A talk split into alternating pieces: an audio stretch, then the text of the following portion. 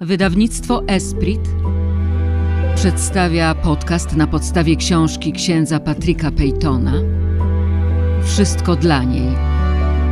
Historia kapłana, który rozkochał świat w różańcu.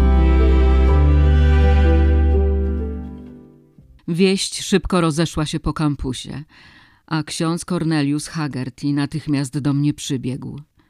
Kiedy stanął w drzwiach mojego pokoju w tamten październikowy wieczór, odżyło we mnie odległe wspomnienie, które napełniło mnie radością i sprawiło, że stałem się otwarty na to, co zamierza mi powiedzieć.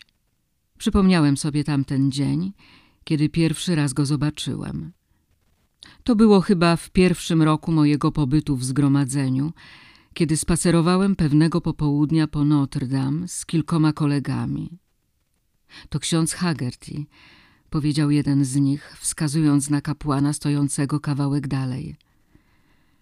Chociaż nie zamieniliśmy ze sobą ani słowa, już sam jego widok miał na mnie wpływ.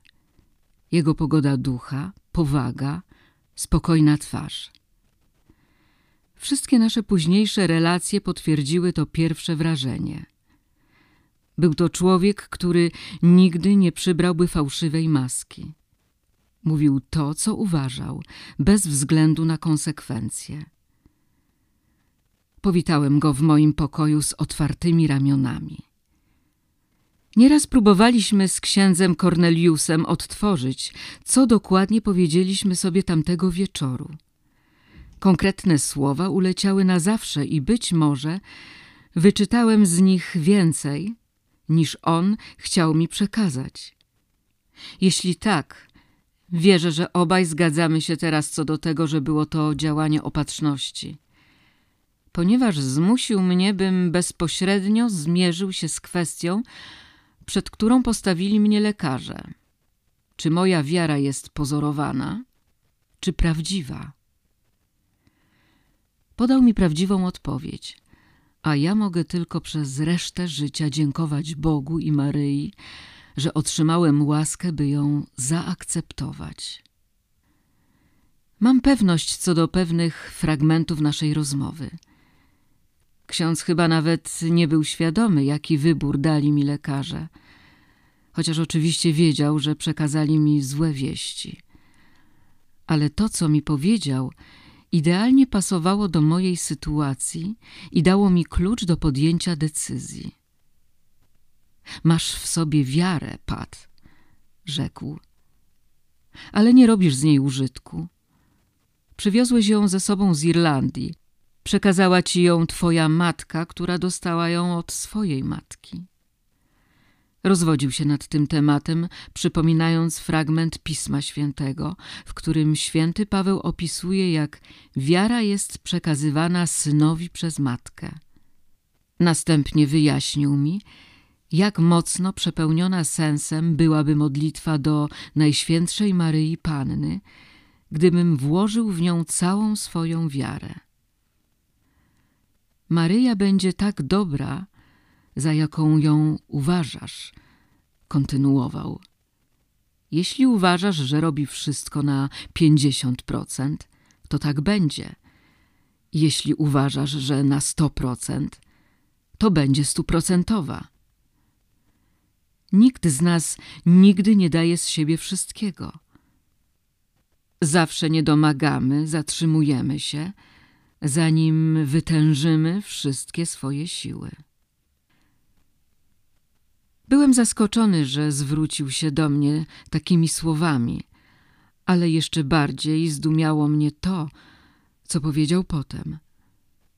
Nawet Bóg i Maryja nie robią tyle, ile by mogli, ale to dlatego, że my uważamy, że nie są w stanie. Ograniczamy ich granicami własnej wiary. Dodał, a następnie podsunął mi jeszcze jedno cudowne stwierdzenie – Jutro zacznę w twojej intencji nowennę mszalną, a to najwspanialsza rzecz na świecie. I nie chodzi tylko o to, że jakiś święty mężczyzna lub kobieta będą się za ciebie modlić przez dziewięć dni. To sam Jezus będzie się modlił do twojego Ojca w twojej intencji. a to ma nieskończenie większą moc niż cokolwiek na ziemi. Mówił w tym tonie przez długi czas, wzmacniając moje zaufanie w Bożą dobroć i miłosierdzie. Upierając się, że sposobem na dotarcie do Boga było szukanie wstawiennictwa Maryi. Słuchając go, czułem, że buduje dla mnie most ponad przepaścią dzielącą teorię od rzeczywistości, że prowadzi mnie przez ten most, abym mógł zobaczyć Maryję, mógł iść z nią, rozmawiać z nią, zdać sobie sprawę, że ona jest prawdziwą osobą, która mnie wysłucha, pokocha, odpowie. Nie mogę powiedzieć, że kiedy mówił pierwszy raz ujrzałem Maryję, ale wiem, że zobaczyłem ją w nowym świetle i z nową intensywnością i mogłem w sercu powiedzieć Matko, wierzę, że żyjesz, że jesteś prawdziwa, że jesteś kobietą, że masz oczy, twarz, uśmiech, pamięć, inteligencję i serce. Sama masz matkę i ojca. Masz syna, który prawdziwie jest Bogiem, który cię kocha, który nie odmówi ci niczego, o co poprosisz. Ksiądz Hagerty powiedział wówczas wiele pięknych rzeczy.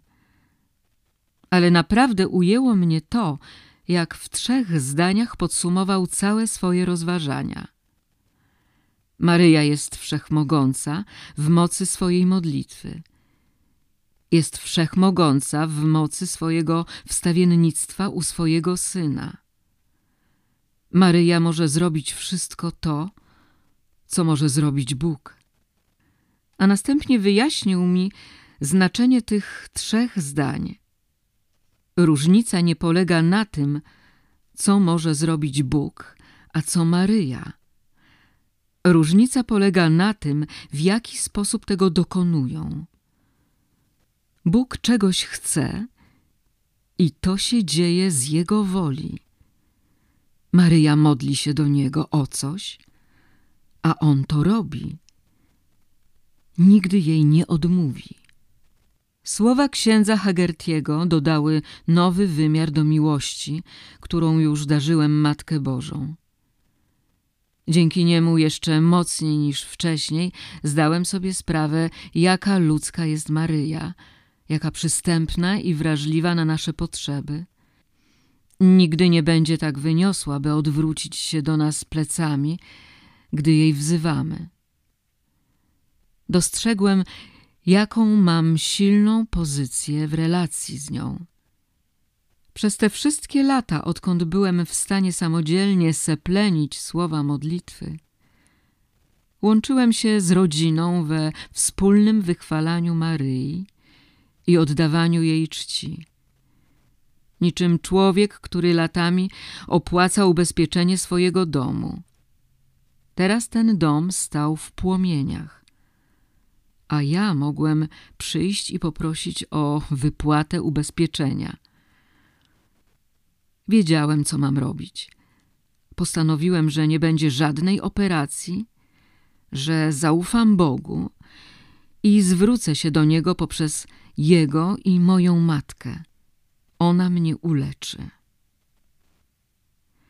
Nadal jednak mogłem mieć problem ze swoim przełożonym, ale byłem pewien, że nie będzie nalegał, zwłaszcza kiedy wyjaśnię mu całą sytuację.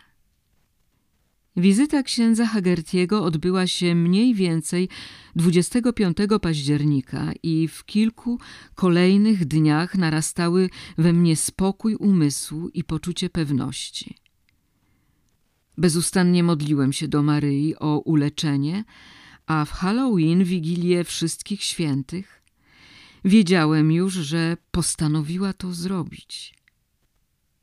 Jadłem kolację w łóżku, a w radiu leciała jakaś irlandzka muzyka nadawana z Londynu. Właśnie wtedy przygnębienie, depresja i ciemność ulotniły się z mojej duszy i zastąpiły je światłość, wolność i nadzieja. Wiele razy miewałem gorsze i lepsze nastroje – ale to było coś innego. mgła nareszcie się podniosła. Następny poniedziałek 6 listopada miałem pojechać na cotygodniowe leczenie do Helfwin. Postanowiłem nic nikomu nie mówić dopóty, dopóki lekarze sami czegoś nie odkryją. Byłem jednak spokojny. Szczególnie dobrze pamiętam dwie wizyty, które miałem w niedzielne popołudnie. Jedną złożyły mi dwie kobiety, pani Ladewski, matka seminarzysty South Bend, oraz pani Rosie, matka studenta Notre Dame w Kalifornii. Były bardzo pogodne, a kiedy wychodziły, obiecały mi, że pójdą bezpośrednio do groty Najświętszej Maryi Panny na kampusie, żeby zapalić świeczki za moje uzdrowienie. Drugą wizytę złożył mi stary ksiądz, spędzający swoje ostatnie dni w infirmerii, ksiądz Hugh Gallagher. Zauważył początki optymizmu, który teraz już mnie przepełniał i obawiał się, że następnego dnia, kiedy pojadę do Helfwin, znowu czeka mnie ciężki zawód. Starał się utemperować mój entuzjazm i byłem mu wdzięczny za troskę. W skrytości ducha czułem jednak, że nie mam się czego obawiać. Za każdym razem, gdy jechałem do sanatorium, pierwszą procedurą, jakiej byłem poddawany, była fluoroskopia, żeby ustalić, ile powietrza powinno się wtłoczyć do opłucnej. Było przy niej obecnych dwóch lekarzy i gdy tylko spojrzeli, jeden z nich skinął na drugiego, by odszedł z nim do kąta, gdzie mogli porozmawiać na osobności. Nie musieli mi nic mówić. Wiedziałem, że stało się coś cudownego. Oto ci sami mężczyźni kilka tygodni wcześniej mówili mi, że sytuacja jest beznadziejna, a teraz wrócili do mnie i obracali mnie na wszystkie strony, badali, sprawdzali i robili notatki. Co z tym płynem? spytałem. Obecność płynów opłucnej była komplikacją, która uniemożliwiała zapadnięcie płuca. Jeszcze nie znikł całkowicie, odparł jeden z nich, ale jego ilość się zmniejszyła. Po powrocie do infirmerii z radością przekazałem tę wiadomość księdzu Irvingowi i pielęgniarzowi bratu Michaelowi. Bardzo się ucieszyli. Ksiądz Irving kazał mi od razu kłaść się do łóżka, ale najpierw wstąpiłem do kaplicy, gdzie długo dziękowałem w modlitwie Bogu i Maryi. Postanowiłem nie tylko podwoić moje własne modlitwy, ale też poprosić innych o wspólny szturm do nieba. Wiedziałem, że Nelly, Mary i Beatrice już klęczą dniami i nocami. Teraz dołączyli do nich seminarzyści z Notre Dame i siostry z klasztoru karmelitanek. Z takim wsparciem wiedziałem, że Maryja mnie nie zawiedzie. Tydzień później, 13 listopada, wróciłem do Helfwin. Co teraz z tym płynem? spytałem z rosnącą pewnością. Całkiem zniknął, odpowiedzieli. Nie ma po nim nawet śladu.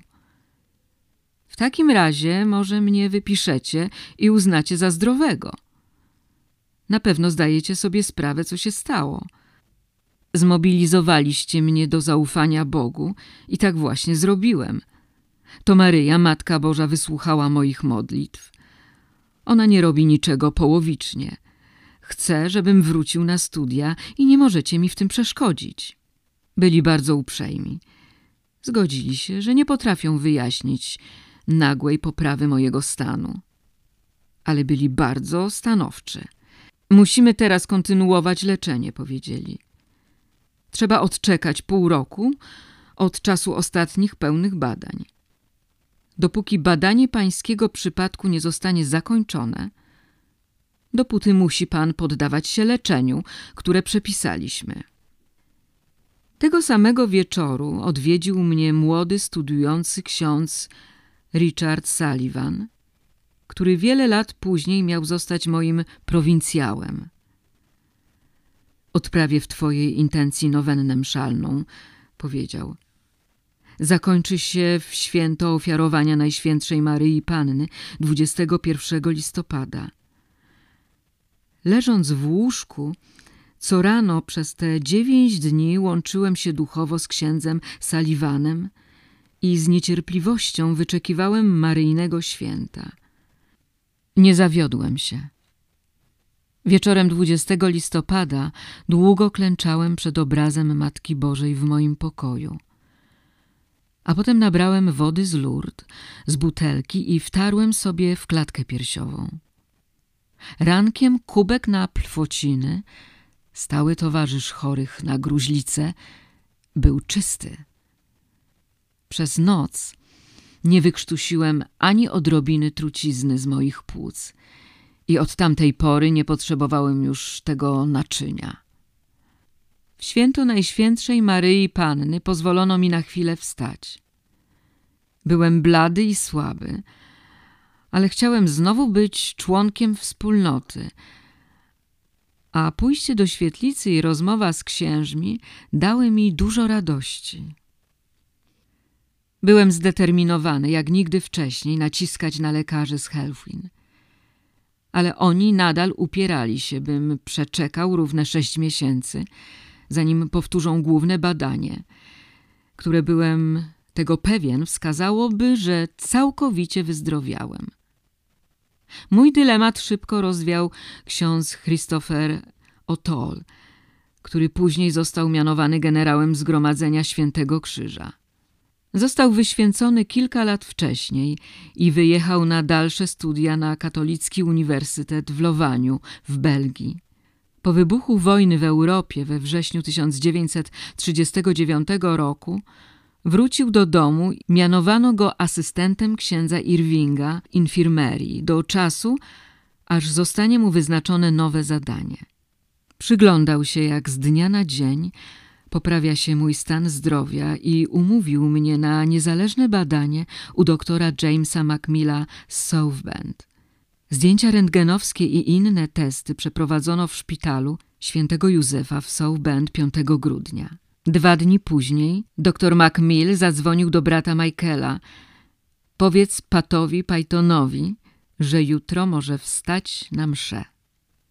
Następnego dnia było święto niepokalanego poczęcia Maryi. Zawsze chodziłem na tę mszę przepełniony miłością, ale nigdy wcześniej słowa Pisma Świętego nie uderzyły mnie tak mocno jak wtedy. Ton nadały już pierwsze słowa introitu. Ogromnie się wesele w Panu, dusza moja raduje się w Bogu moim, bo mnie przyodział w szaty zbawienia. A kiedy kapłan dotarł do ostatnich słów czytania, myślałem, że moje serce zaraz wybuchnie. Bo kto mnie znajdzie, znajdzie życie i osiągnie upodobanie Pana. To rzeczywiście była prawda. Odnalazłszy Maryję, odnalazłem życie i zostałem przyodziany w szaty zbawienia. Uzbrojony w to zapewnienie, natrętnie prosiłem lekarzy z Heltwin, aż zgodzili się przenieść termin badania. Nadal byli sceptyczni, co zrozumiałe, i podeszli do swojego zadania metodycznie i skrupulatnie – Badania i testy zakończyły się 15 stycznia 1940 roku, a kilka dni później przysłali mi pocztą wyniki. Nigdy nie zapomnę tej chwili, gdy przesyłka do mnie dotarła. Trzymałem ją w dłoniach, nie ośmielając się jej otworzyć. Czułem się jak człowiek na ławie oskarżonych, czekający na ławników wchodzących na salę sądową, aby ogłosić swój werdykt. Wiedziałem, że zostałem uzdrowiony, jak człowiek na ławie oskarżonych może być pewny swojej niewinności, choć to wcale nie oznacza, że wyrok będzie dla niego korzystny. Byłem przerażony, że lekarze będą przesadnie ostrożni, że będą nalegali, bym nadal leżał w łóżku i stracił kolejny rok. W końcu jednak pomodliłem się i przywołałem swoją wiarę. Drżącymi dłońmi rozdarłem kopertę. Maryja mnie nie zawiodła. Po omówieniu pańskiej sytuacji na zebraniu personelu, przeczytałem w liście, doszliśmy do wniosku, że może pan bezpiecznie podjąć aktywność przez 11 godzin w tygodniu. Co ważne, powinien pan odpoczywać tak dużo, jak to tylko możliwe. A jeśli w którymkolwiek momencie pojawią się jakieś objawy, powinien pan natychmiast się z nami skontaktować. Odma płucna będzie kontynuowana, a wlewy będą się odbywać co dwa tygodnie. List był podpisany przez doktora Johna Marta. Byłem w niebo wzięty tymi wiadomościami, choć również przerażony. To było działanie samej Maryi i ona brała za to odpowiedzialność. Maryjo, mam nadzieję, że nigdy nie przyniosę ci hańby. Krzyknąłem głośno, z sercem przepełnionym wdzięcznością, że jestem wolny i mogę znów podążać do mojego celu. Spakowałem walizkę i wróciłem do Waszyngtonu. Z powodu historii mojej choroby postanowiono, że powinienem odpuścić sobie pomysł wyjazdu na misję do Bengalu. Więc tym razem skierowałem się do Kolegium Świętego Krzyża, gdzie raz jeszcze miałem znaleźć się blisko Toma. Podróżowałem nocą, a wczesnym rankiem brat powitał mnie na stacji. Był poniedziałek, 5 lutego, dokładnie rok po tamtym poniedziałku, kiedy zostałem zabrany z Bengalczyka do szpitala Providence. Od tamtej chwili Tom trzymał się blisko mnie. Kazano mu pilnować, abym ograniczył swoją aktywność do absolutnego minimum – koniecznego do nadążania z nauką, więc krążył nade mną jak jastrząb. W swoich uczuciach nie przypominał jednak drapieżnego ptaka.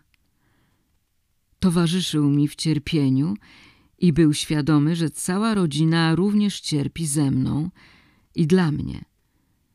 Wcześniej, na początku grudnia, dowiedzieliśmy się o śmierci naszej mamy. W tamtym czasie, gdy dr Macmill przeprowadzał badania, które w końcu przekonały wszystkich o moim powrocie do zdrowia. Niedługo potem dostaliśmy kolejne dowody na to, jak ogromną cenę przyszło zapłacić mojej rodzinie. A płaciła ją ochoczo za moje wyzdrowienie.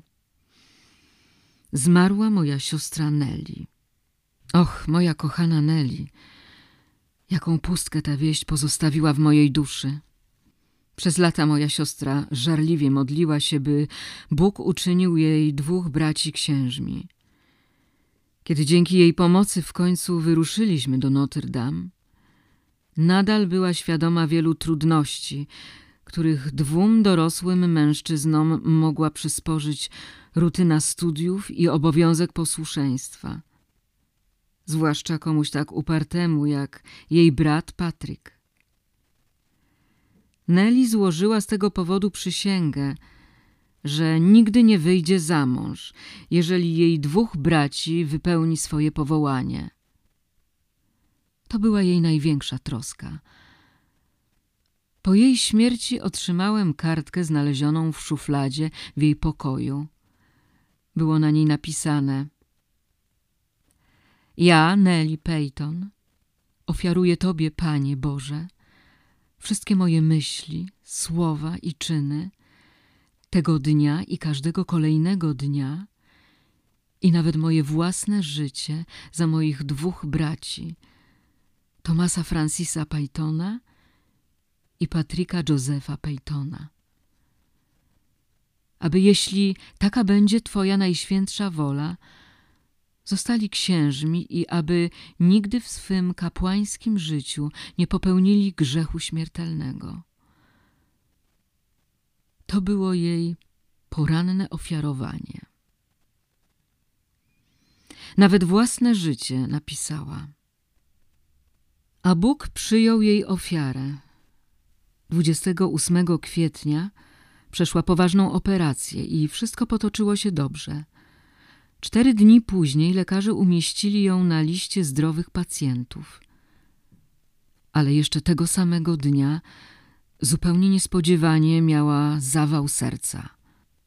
Było to w sobotę po południu, a w niedzielę rano jej stan był tak poważny, że przekazano wiadomość do naszego przełożonego, księdza Williama Doneyego, który teraz był członkiem roty rzymskiej, trybunału zajmującego się sprawami małżeńskimi.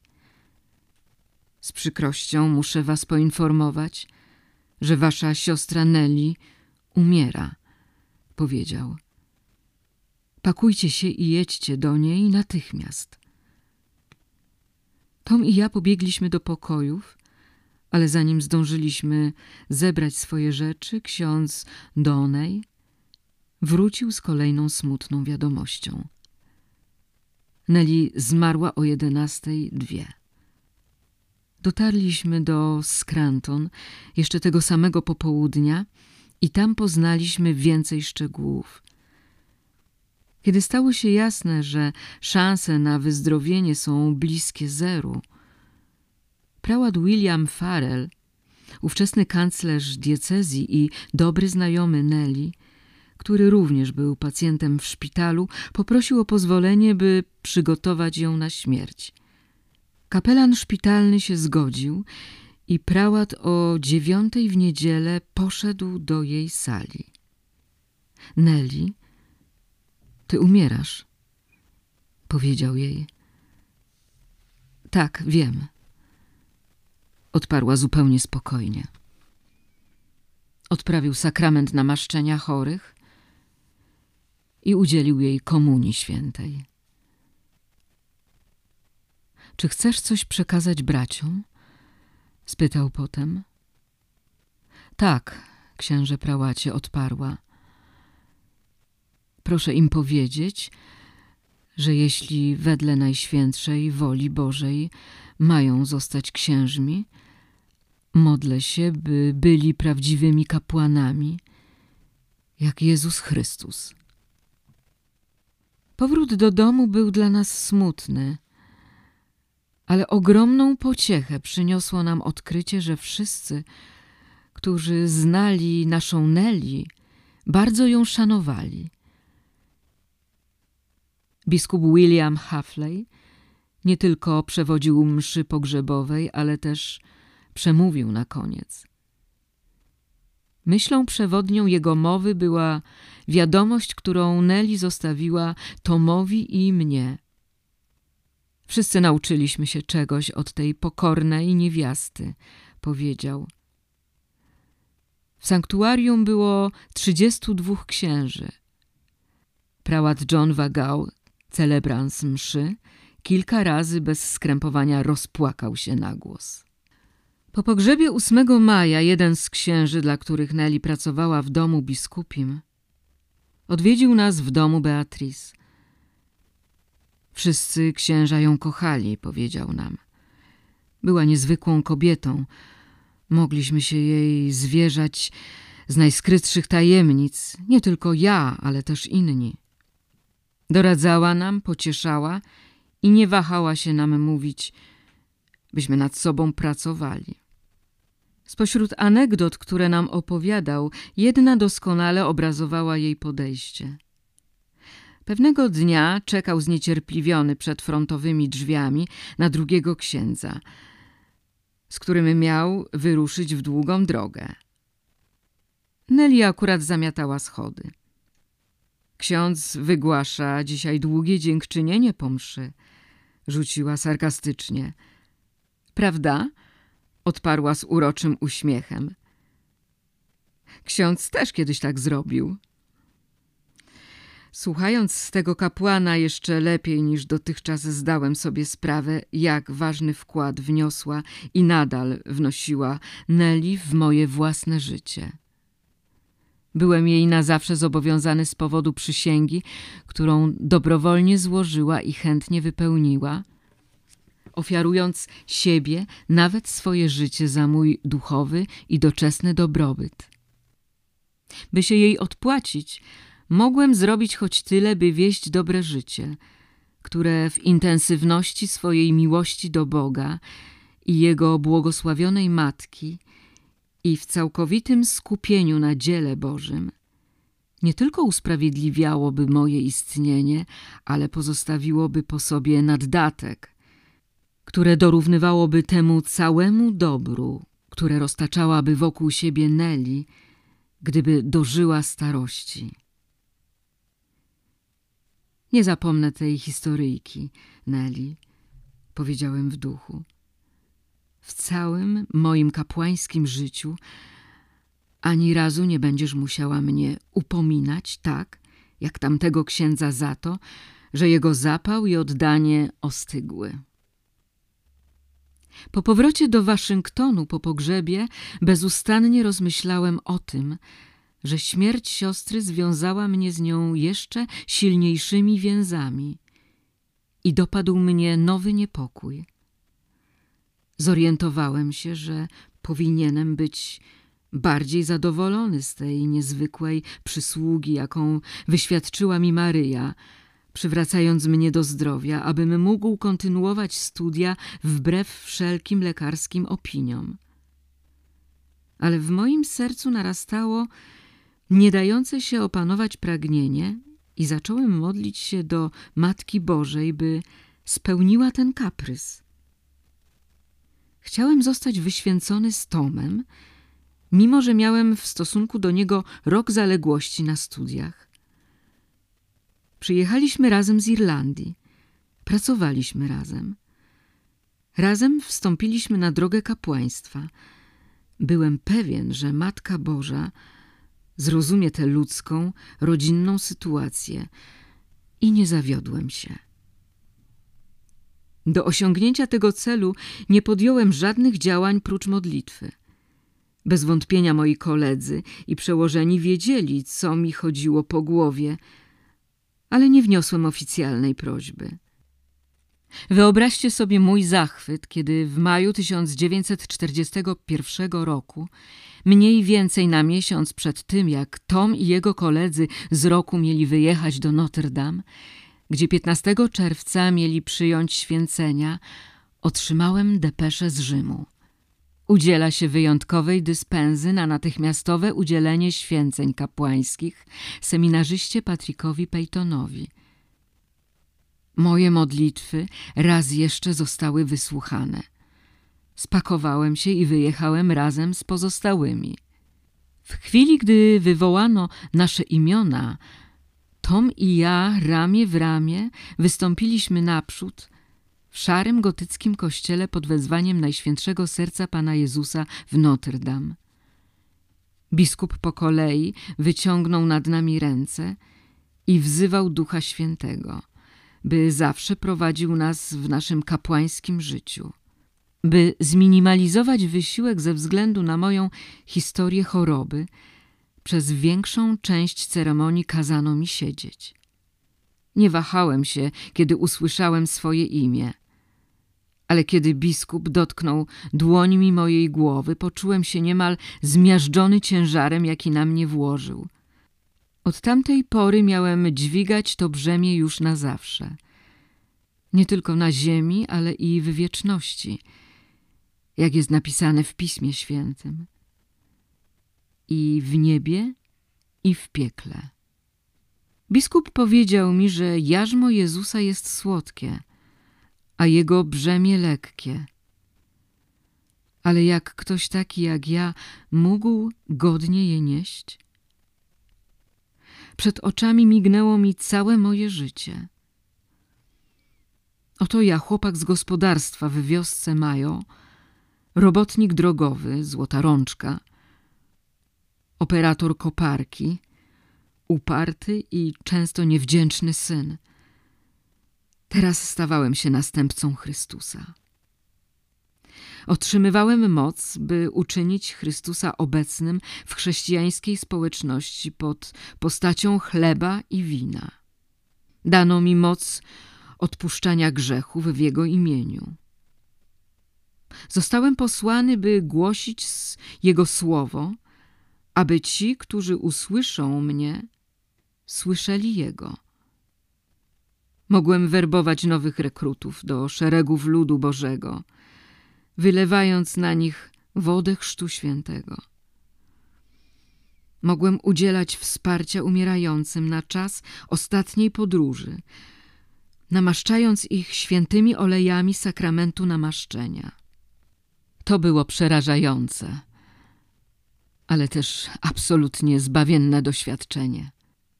Bo kiedy ta wizja minęła, pozostało po niej poczucie, że na mocy święceń kapłańskich jestem teraz następcą Chrystusa, a w konsekwencji Jego matka jeszcze bardziej niż wcześniej stała się moją matką. Jeśli w przeszłości traktowała mnie z taką delikatnością, czego nie mógłbym się po niej spodziewać teraz, gdy zostałem następcą Chrystusa, owocu jej łona?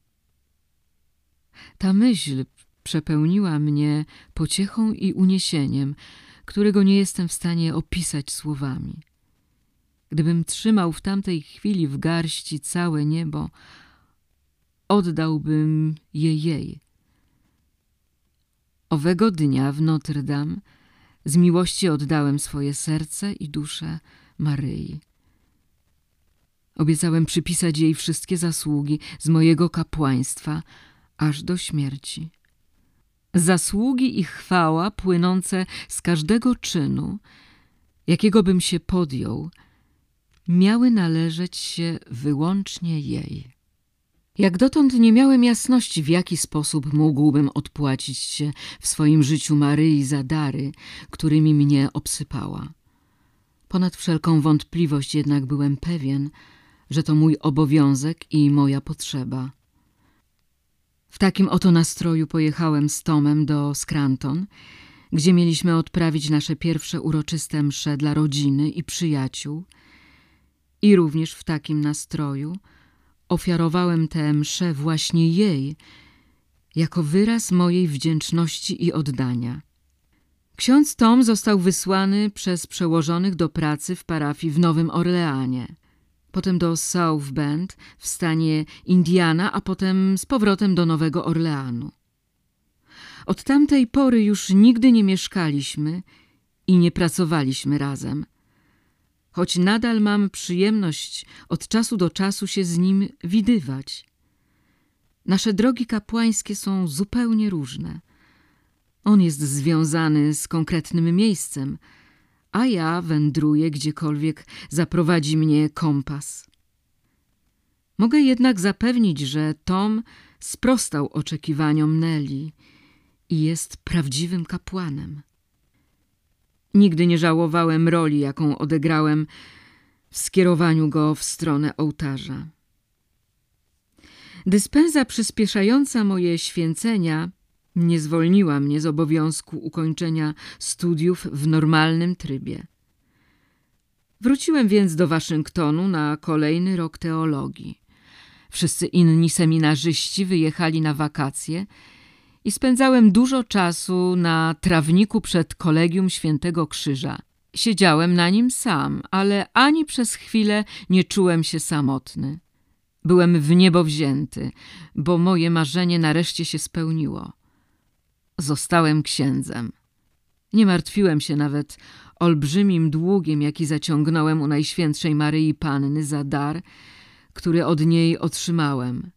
Wiedziałem, że w swoim czasie ona sama pokaże mi, jak mógłbym choćby w najmniejszym stopniu go spłacić. Często jednak myślałem o tym długu, ponieważ zdecydowanie zobowiązałem się w duchu, by przez całe życie nie robić nic innego, jak pracować na jego spłatę. To było jeszcze przed atakiem na Pearl Harbor. Z Europy nadchodziły przerażające wieści, a ruch w Waszyngtonie z dnia na dzień rósł. W miarę jak państwo przygotowywało się na sprawdzian wytrzymałości, który wydawał się nieunikniony. Ze swej perspektywy trawnikowej widziałem niekończący się przypływ i odpływ ruchu ulicznego przy Harrewood Road. W wieczornych godzinach szczytu narastał i opadał bez końca. Zastanawiałem się wtedy, Ilu spośród tych ludzi, gotujących się z gniewu w żarze rozgrzanych silników, wykorzystało tę chwilę, by pomyśleć o Matce Bożej i pomodlić się do niej? Ilu z nich zapewne przez całe swoje życie ani razu o niej nie pomyślało? Pewnego dnia przyszedł mi do głowy pomysł. Stwierdziłem, że byłoby wspaniale, gdyby na naszym trawniku wzniesiono figurę Najświętszej Maryi Panny, widoczną z ulicy dokładnie w miejscu, w którym reflektory samochodów oświetlałyby ją w nocy. Nie miałem żadnego rozeznania w kwestiach finansowych, żadnego doświadczenia w administracji i żadnego pomysłu, od czego powinienem zacząć. Ale uznałem, jak zawsze, że jeśli Maryja zechce mieć taki pomnik i jeśli zechce, bym to ja doprowadził do jego wzniesienia, reszta sama jakoś się ułoży. Poprosiłem kolegów z seminarium, którzy już wrócili z wakacji, żeby sprawdzili, kto mógłby pomóc w zbiórce funduszy. Prędko się okazało, że bez zgody przełożonego nie mogę nawet zacząć. Nie udzielił mi jej. I to był koniec mojego pierwszego światłego pomysłu. Mijały miesiące, a wojna z Europy rozprzestrzeniła się na Afrykę i Pacyfik. Rzezie i masakry bezustannie tkwiły w mojej głowie. Podobnie jak mój dług wobec Maryi. Jakże musi ją to zasmucać, myślałem sobie, gdy widzi tyle swoich dzieci, mordujących się wzajemnie z sercami przepełnionymi nienawiścią, niszczących ziemię zamiast przyczynić się do jej rozwoju. Na pewno coś mogłem na to poradzić. Musiało być coś, co powinienem zrobić. Ale to zaniedbywałem. Czytałem o wielkiej bitwie na Morzu Śródziemnym pod Lepanto w 1571 roku, kiedy chrześcijańska flota powstrzymała natarcie muzułmanów na samo serce chrześcijańskiego świata. Zanim bitwa się rozpętała, chrześcijańscy żołnierze i marynarze uklękli i odmówili różaniec. Z wdzięczności za zwycięstwo papież Pius V ustanowił w całym kościele dzień 7 października świętem Najświętszej Maryi Panny Różańcowej. Cały czas w mojej głowie kołatała myśl, że różaniec raz jeszcze przyczyni się do zwycięstwa sprawiedliwości i przywrócenia pokoju na świecie. Dokładnie pamiętam dzień, w którym ta luźna myśl przerodziła się w konkretny pomysł. Było to w ostatnią niedzielę stycznia 1942 roku, w dniu, który spędziliśmy w seminarium na comiesięcznych rekolekcjach. Był ranek, a ja siedziałem sam w pokoju. Nagle zdałem sobie sprawę, że tutaj, w tym domu, Mamy dziesięciu księży i sześćdziesięciu młodych mężczyzn, którzy w ciągu kilku następnych lat zostaną wyświęceni. I jeśli wszyscy razem będziemy się dość żarliwie modlić, możemy doprowadzić do zakończenia tej wojny. Tylko jak powinniśmy się modlić i o co? Pytałem samego siebie. Potrzebne było nie tylko zakończenie walk, ale atmosfera prawdziwego pokoju, pokoju serca, pokoju domu, pokoju w rodzinie. Tak, powiedziałem sobie, oto klucz. Rodzinna modlitwa, a w szczególności ta, która od stuleci konsekwentnie sprowadzała Boże łaski, która ocaliła chrześcijaństwo pod Lepanto do której ustawicznie zachęcali, którą odmawiali i promowali święci i papieże. Różaniec.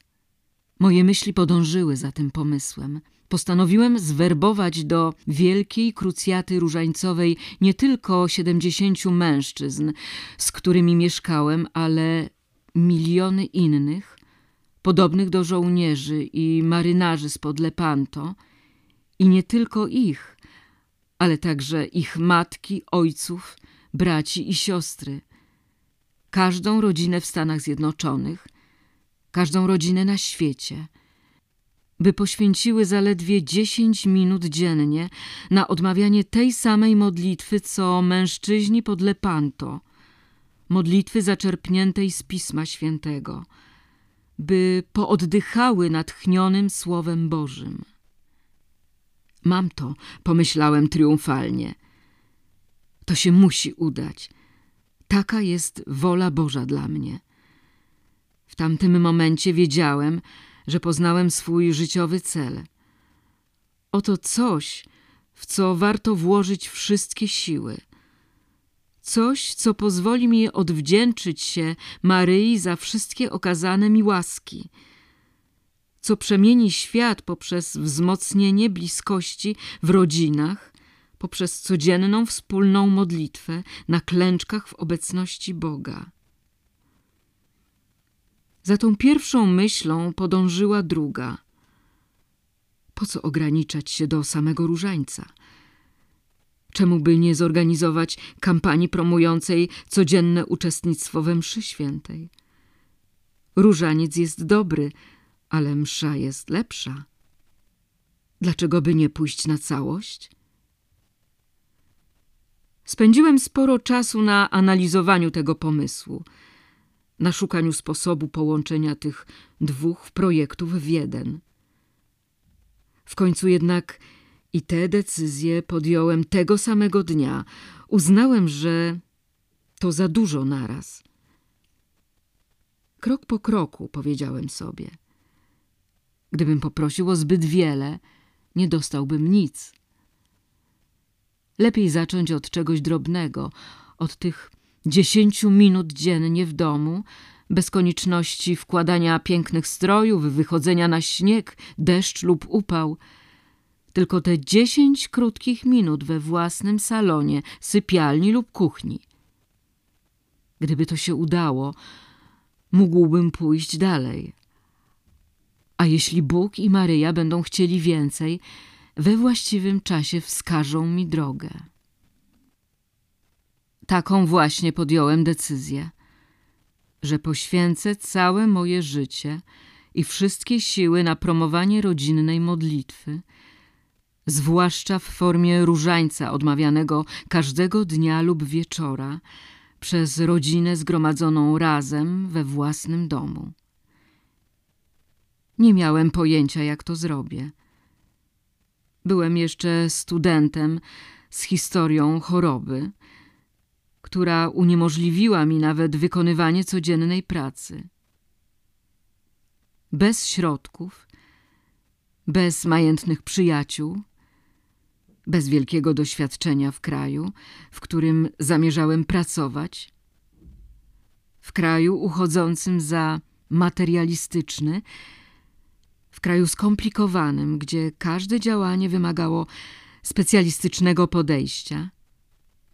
Wiedziałem, że zostanę wyśmiany jako wizjoner lub głupiec, ale nie obchodziło mnie to. Nie mogłem się powstrzymać. Właśnie to zamierzałem zrobić i wiedziałem, że mi się uda, ponieważ Matka Boża się o to zatroszczy. Nie moja reputacja była tu stawką, lecz jej. Więcej w książce Patryka Peytona Wszystko dla niej. Historia kapłana, który rozkochał świat w różańcu. Wydawnictwo SP